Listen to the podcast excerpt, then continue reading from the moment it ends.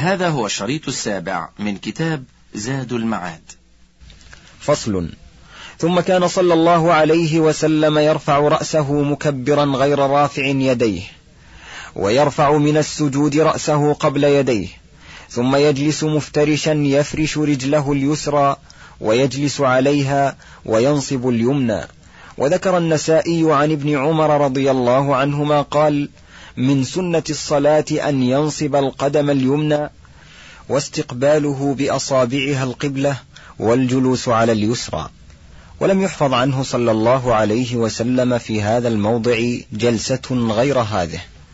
وكان يضع يديه على فخذيه ويجعل مرفقيه على فخذه وطرف يده على ركبته ويقبض ثنتين من أصابعه ويحلق حلقه ثم يرفع أصبعه يدعو بها ويحركها هكذا قال وائل بن حجر عنه.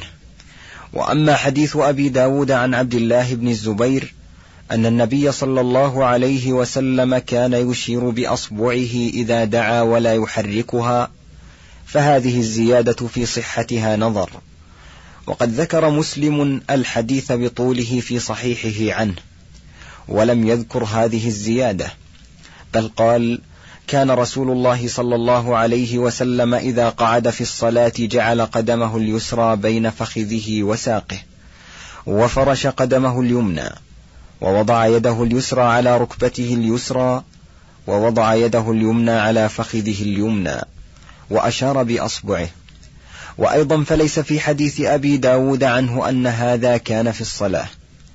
وأيضا لو كان في الصلاة لكان نافيا. وحديث وائل بن حجر مثبتا وهو مقدم وهو حديث صحيح ذكره أبو حاتم في صحيحه.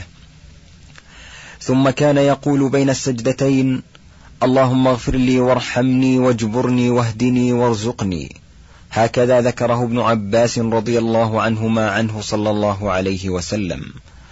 وذكر حذيفة أنه كان يقول رب اغفر لي رب اغفر لي. وكان هديه صلى الله عليه وسلم إطالة هذا الركن بقدر السجود. وهكذا الثابت عنه في جميع الأحاديث. وفي الصحيح عن أنس رضي الله عنه كان رسول الله صلى الله عليه وسلم يقعد بين السجدتين حتى نقول قد أوهم. وهذه السنة تركها أكثر الناس من بعد انقراض عصر الصحابة. ولهذا قال ثابت وكان أنس يصنع شيئا لا أراكم تصنعونه. يمكث بين السجدتين حتى نقول قد قد نسي أو قد أوهم. وأما من حكم السنة ولم يلتفت إلى ما خالفها فإنه لا يعبأ بما خالف هذا الهدي. فصل. ثم كان صلى الله عليه وسلم ينهض على صدور قدميه وركبتيه معتمدا على فخذيه كما ذكر عنه. كما ذكر عنه وائل وأبو هريرة ولا يعتمد على الأرض بيديه. وقد ذكر عنه مالك بن الحويرث أنه كان لا ينهض حتى يستوي جالسا وهذه هي التي تسمى جلسة الاستراحة. واختلف الفقهاء فيها هل هي من سنن الصلاة؟ فيستحب لكل أحد أن يفعلها أو ليست من السنن وإنما يفعلها من احتاج إليها على قولين هما روايتان عن أحمد رحمه الله. قال الخلال رجع أحمد إلى حديث مالك بن الحويرث في جلسة الاستراحة وقال أخبرني يوسف بن موسى أن أبا أمامة سئل عن النهوض فقال على صدور القدمين على حديث رفاعة. وفي حديث ابن عجلان ما يدل على أنه كان ينهض على صدور قدميه. وقد روي عن عدة من أصحاب النبي صلى الله عليه وسلم. وسائر من وصف صلاته صلى الله عليه وسلم لم يذكر هذه الجلسة. وإنما ذكرت في حديث أبي حميد ومالك بن الحويرث. ولو كان هديه صلى الله عليه وسلم فعلها دائما لذكرها كل من وصف صلاته صلى الله عليه وسلم. ومجرد فعله صلى الله عليه وسلم لها لا يدل على أنها من سنن الصلاة إلا إذا علم أنه فعلها على أنها سنة يقتدى به فيها.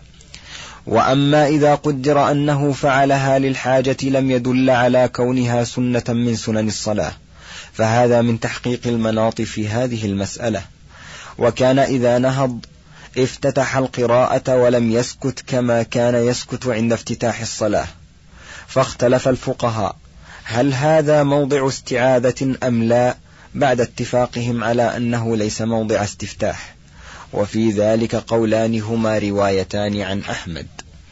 وقد بناهما بعض أصحابه على أن قراءة الصلاة هل هي قراءة واحدة؟ فيكفي فيها استعاذة واحدة أو قراءة كل, كل ركعة مستقلة برأسها؟ ولا نزاع بينهم أن الاستفتاح لمجموع الصلاة والاكتفاء باستعاذة واحدة أظهر للحديث الصحيح عن أبي هريرة رضي الله عنه أن النبي صلى الله عليه وسلم كان إذا نهض من الركعة الثانية استفتح القراءة بالحمد لله رب العالمين ولم يسكت. وإنما يكفي استعاذة واحدة لأنه لم يتخلل القراءتين سكوت بل تخللهما ذكر فهي كالقراءة الواحدة إذا تخللها حمد الله أو تسبيح أو تهليل أو صلاة على النبي صلى الله عليه وسلم ونحو ذلك. وكان النبي صلى الله عليه وسلم يصلي الثانية كالأولى سواء إلا في أربعة أشياء السكوت والاستفتاح وتكبيرة الإحرام وتطويلها كالأولى. فإنه صلى الله عليه وسلم كان لا يستفتح ولا يسكت ولا يكبر للإحرام فيها ويقصرها عن الأولى فتكون, فتكون الأولى أطول منها في كل صلاة كما تقدم. فإذا جلس للتشهد وضع يده اليسرى على فخذه اليسرى ووضع يده اليمنى على فخذه اليمنى وأشار بأصبعه السبابة وكان لا ينصبها نصبا ولا ينيمها بل يحنيها شيئا ويحركها شيئا كما تقدم في حديث وائل بن حجر وكان يقبض أصبعين وهما الخنصر والبنصر ويحلق حلقة وهي الوسطى مع الإبهام ويرفع السبابة يدعو بها ويرمي ببصره إليها ويبسط الكف اليسرى على الفخذ اليسرى ويتحامل عليها. وأما صفة جلوسه فكما تقدم بين السجدتين سواء يجلس على رجله اليسرى وينصب اليمنى ولم يروى عنه في هذه الجلسة غير هذه الصفة. وأما حديث عبد الله بن الزبير رضي الله عنه الذي رواه مسلم في صحيحه أنه صلى الله عليه وسلم كان إذا قعد في الصلاة جعل قدمه اليسرى بين فخذه وساقه وفرش قدمه اليمنى فهذا في التشهد الأخير كما يأتي وهو أحد الصفتين اللتين رويتا عنه. ففي الصحيحين من حديث أبي حميد في صفة صلاته صلى الله عليه وسلم فإذا جلس في الركعتين جلس على رجله اليسرى ونصب اليمنى ونصب الأخرى وإذا جلس في الركعة الأخيرة قدم رجله اليسرى ونصب اليمنى وقعد على مقعدته. فذكر أبو حميد أنه كان ينصب اليمنى وذكر, وذكر ابن الزبير أنه كان يفرشها ولم يقل أحد عنه صلى الله عليه وسلم إن هذه صفة جلوسه في التشهد الأول ولا أعلم أحدا قال به بل من الناس من قال يتورك في التشهدين وهذا مذهب مالك رحمه الله. ومنهم من قال يفترش فيهما فينصب اليمنى ويفترش اليسرى ويجلس عليها وهو قول أبي حنيفة رحمه الله. ومنهم من قال يتورك في كل تشهد يليه السلام ويفترش في غيره وهو قول الشافعي رحمه الله ومنهم من قال يتورك في كل صلاة فيها تشهدان في الأخير منهما فرقا بين الجلوسين وهو قول الإمام أحمد رحمه الله. ومعنى حديث ابن الزبير رضي الله عنه أنه فرش قدمه اليمنى أنه كان يجلس في هذا الجلوس على مقعدته فتكون قدمه اليمنى مفروشة وقدمه اليسرى بين فخذه وساقه ومقعدته على الأرض فوقع الاختلاف في قدمه اليمنى في هذا الجلوس. هل كانت مفروشة أو منصوبة؟ وهذا والله أعلم.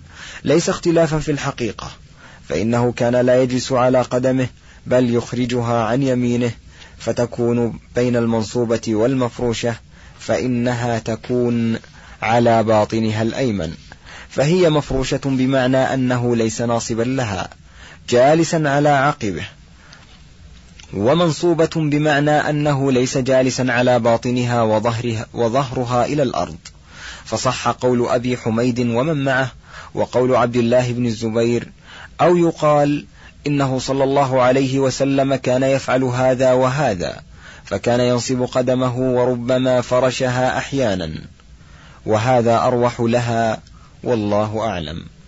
ثم كان صلى الله عليه وسلم يتشهد دائما في هذه الجلسة ويعلم أصحابه أن يقولوا التحيات لله والصلوات والطيبات.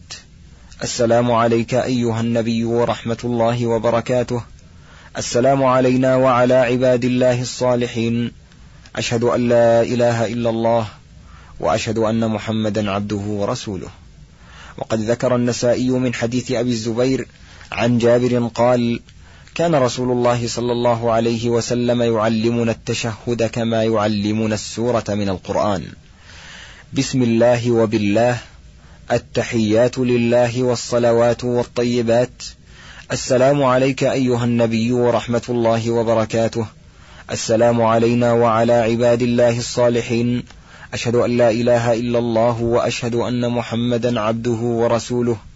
أسأل الله الجنة وأعوذ بالله من النار.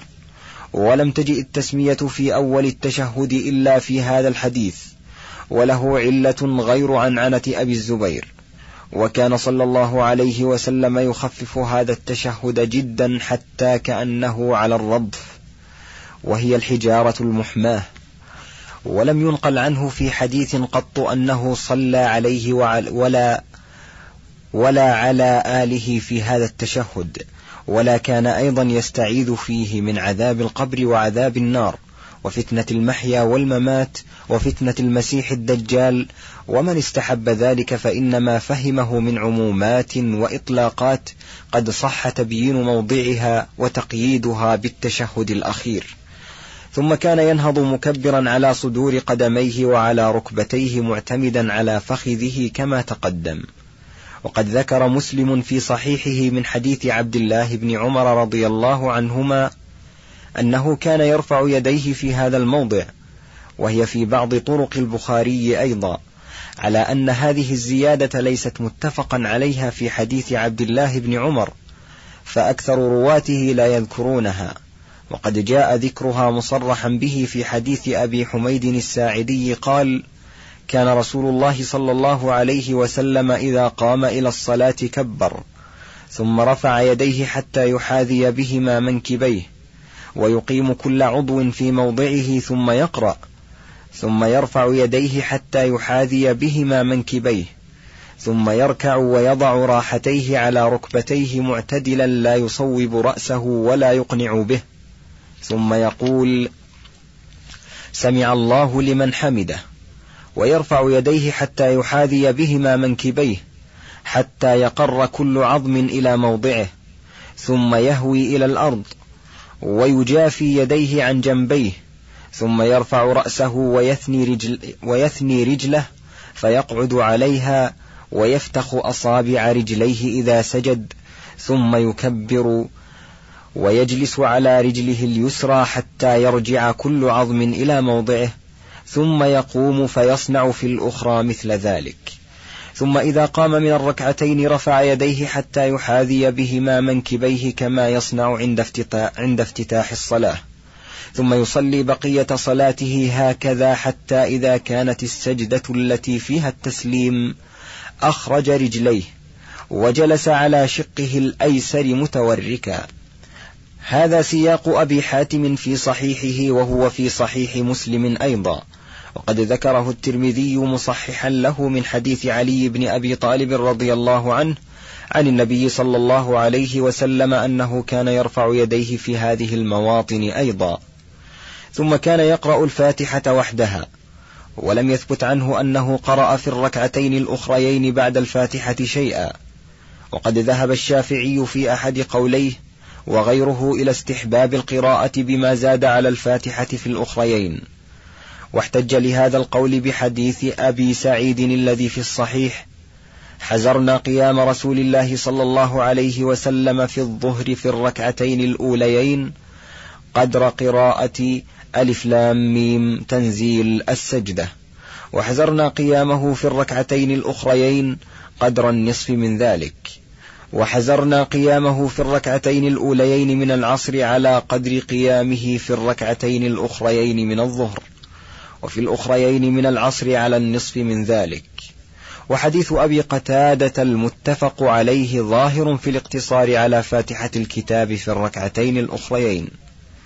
قال أبو قتادة رضي الله عنه وكان رسول الله صلى الله عليه وسلم يصلي بنا فيقرأ في الظهر والعصر في الركعتين الأوليين بفاتحة الكتاب والسورتين.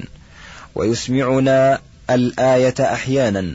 زاد مسلم ويقرأ في الأخريين بفاتحة الكتاب.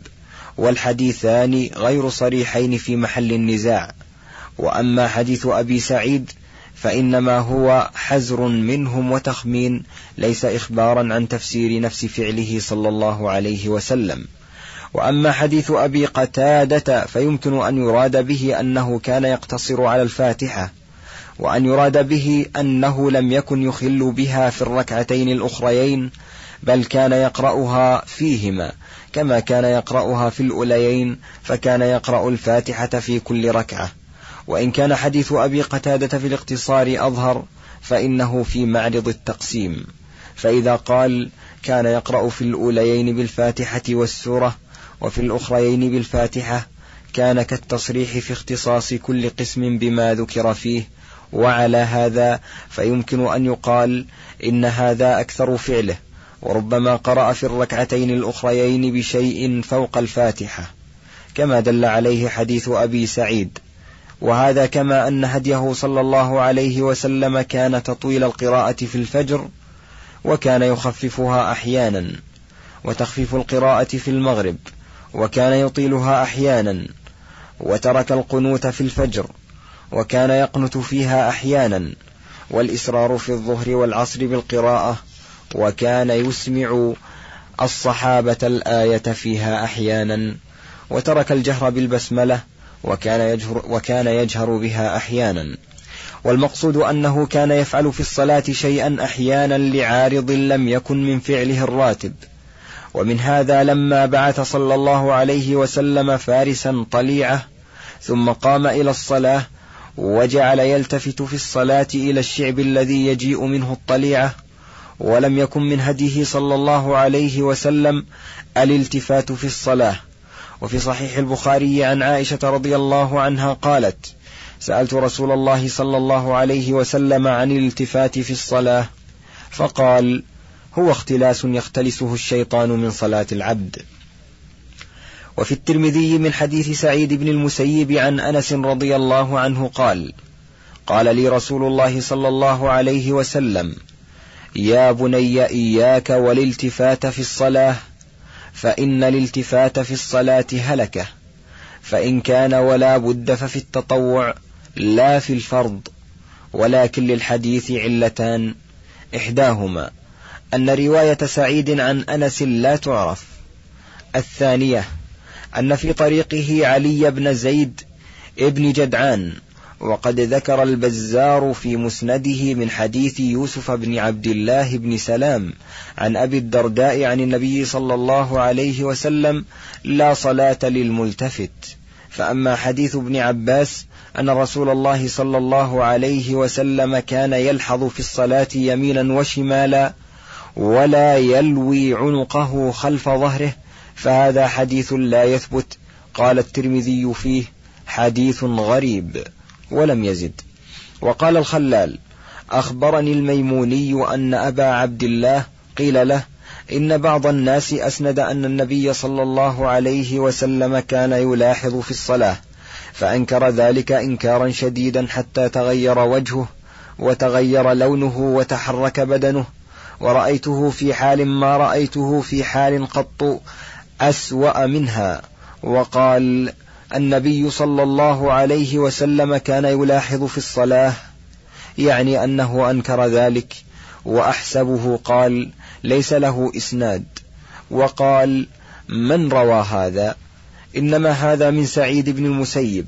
ثم قال لي بعض أصحابنا إن أبا عبد الله وهن حديث سعد وهن حديث سعيد هذا وضعف إسناده وقال إنما هو عن رجل عن سعيد وقال عبد الله بن أحمد حدثت أبي بحديث حسان بن إبراهيم عن عبد الملك الكوفي قال سمعت العلاء قال سمعت مكحولا يحدث عن أبي أمامة وواثلة كان النبي صلى الله عليه وسلم إذا قام إلى الصلاة لم يلتفت يمينا ولا شمالا ورمى ببصره في موضع سجوده فأنكره جدا وقال اضرب عليه.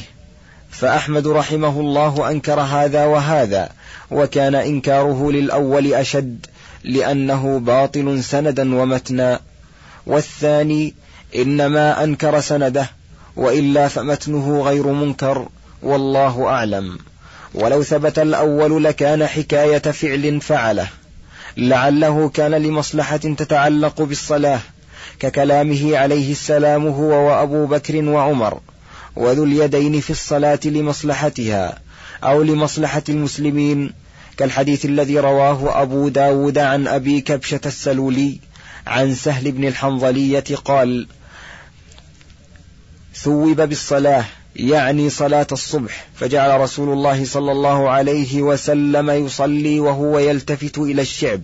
قال أبو داود يعني وكان أرسل فارسا إلى الشعب من الليل يحرس فهذا الالتفات من الاشتغال بالجهاد في الصلاة وهو يدخل في مداخل العبادات كصلاة الخوف.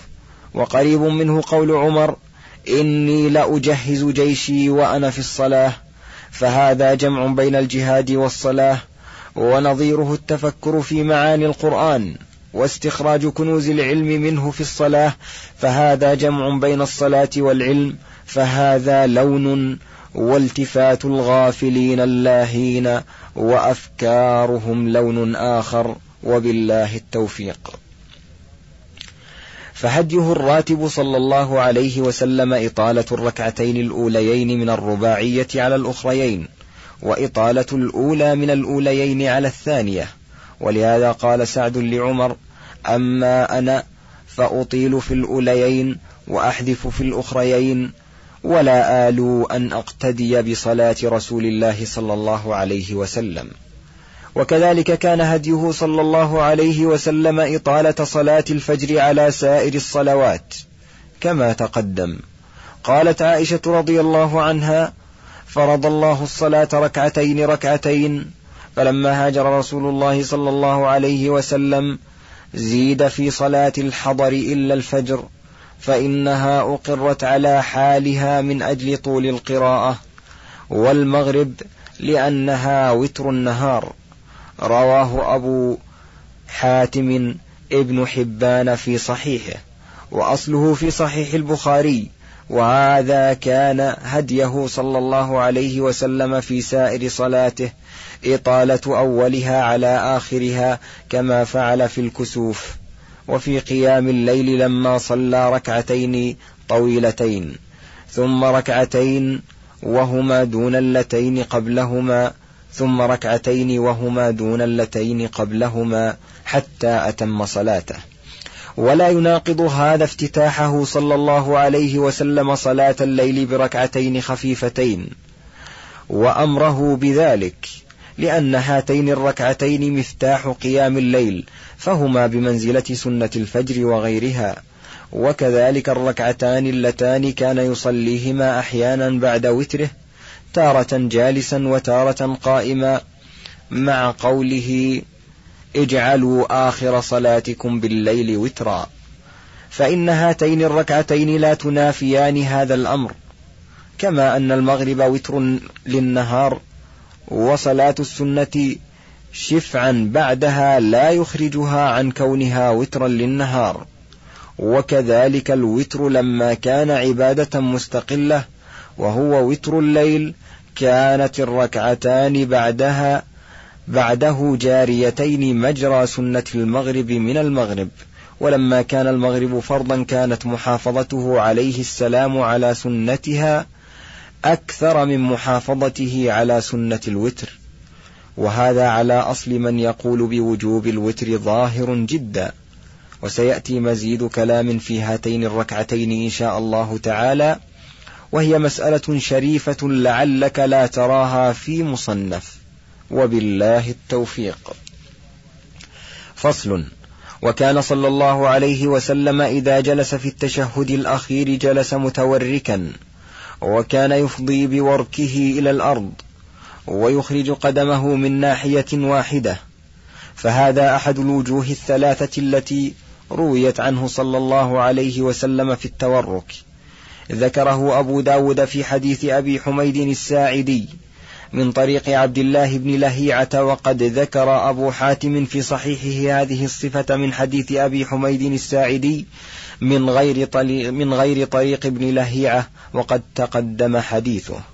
الوجه الثاني ذكره البخاري في صحيحه من حديث أبي حميد أيضا قال وإذا جلس في الركعة الآخرة قدم رجله اليسرى ونصب اليمنى وقعد على مقعدته فهذا هو الموافق للأول في الجلوس على الورك. وفيه زيادة وفيه زيادة وصف في هيئة القدمين لم تتعرض الرواية الأولى لها. الوجه الثالث. ما ذكره مسلم في صحيحه من حديث عبد الله بن الزبير أنه صلى الله عليه وسلم كان يجعل قدمه اليسرى بين فخذه وساقه ويفرش قدمه اليمنى وهذه هي الصفة التي اختارها أبو القاسم الخرقي في مختصره. وهذا مخالف للصفتين الأوليين في إخراج اليسرى من جانبه الأيمن وفي نصب اليمنى ولعله كان يفعل هذا تارة وهذا تارة وهذا أظهر.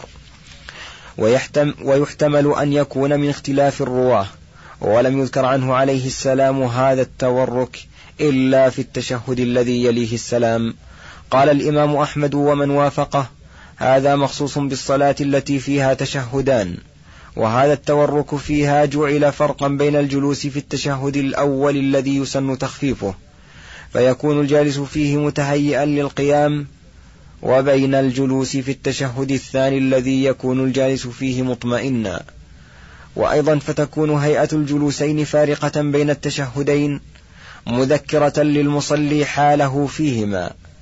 وأيضا فإن أبا حميد إنما ذكر هذه الصفة عنه صلى الله عليه وسلم في الجلسة التي في التشهد الثاني فإنه ذكر صفة جلوسه في التشهد الأول وأنه كان يجلس مفترشا ثم قال وإذا جلس في الركعة الآخرة وفي لفظ فإذا جلس في الركعة الرابعة وأما قوله في بعض ألفاظه حتى إذا كانت الجلسة التي فيها التسليم أخرج رجله اليسرى وجلس على شقه متوركا فهذا قد يحتج به قد يحتج به من يرى التورك يشرع في كل تشهد يليه السلام. فيتورك في الثانية وهو قول الشافعي رحمه الله وليس بصريح في الدلالة بل سياق الحديث يدل على أن ذلك إنما كان في التشهد الذي يليه السلام من الرباعية والثلاثية.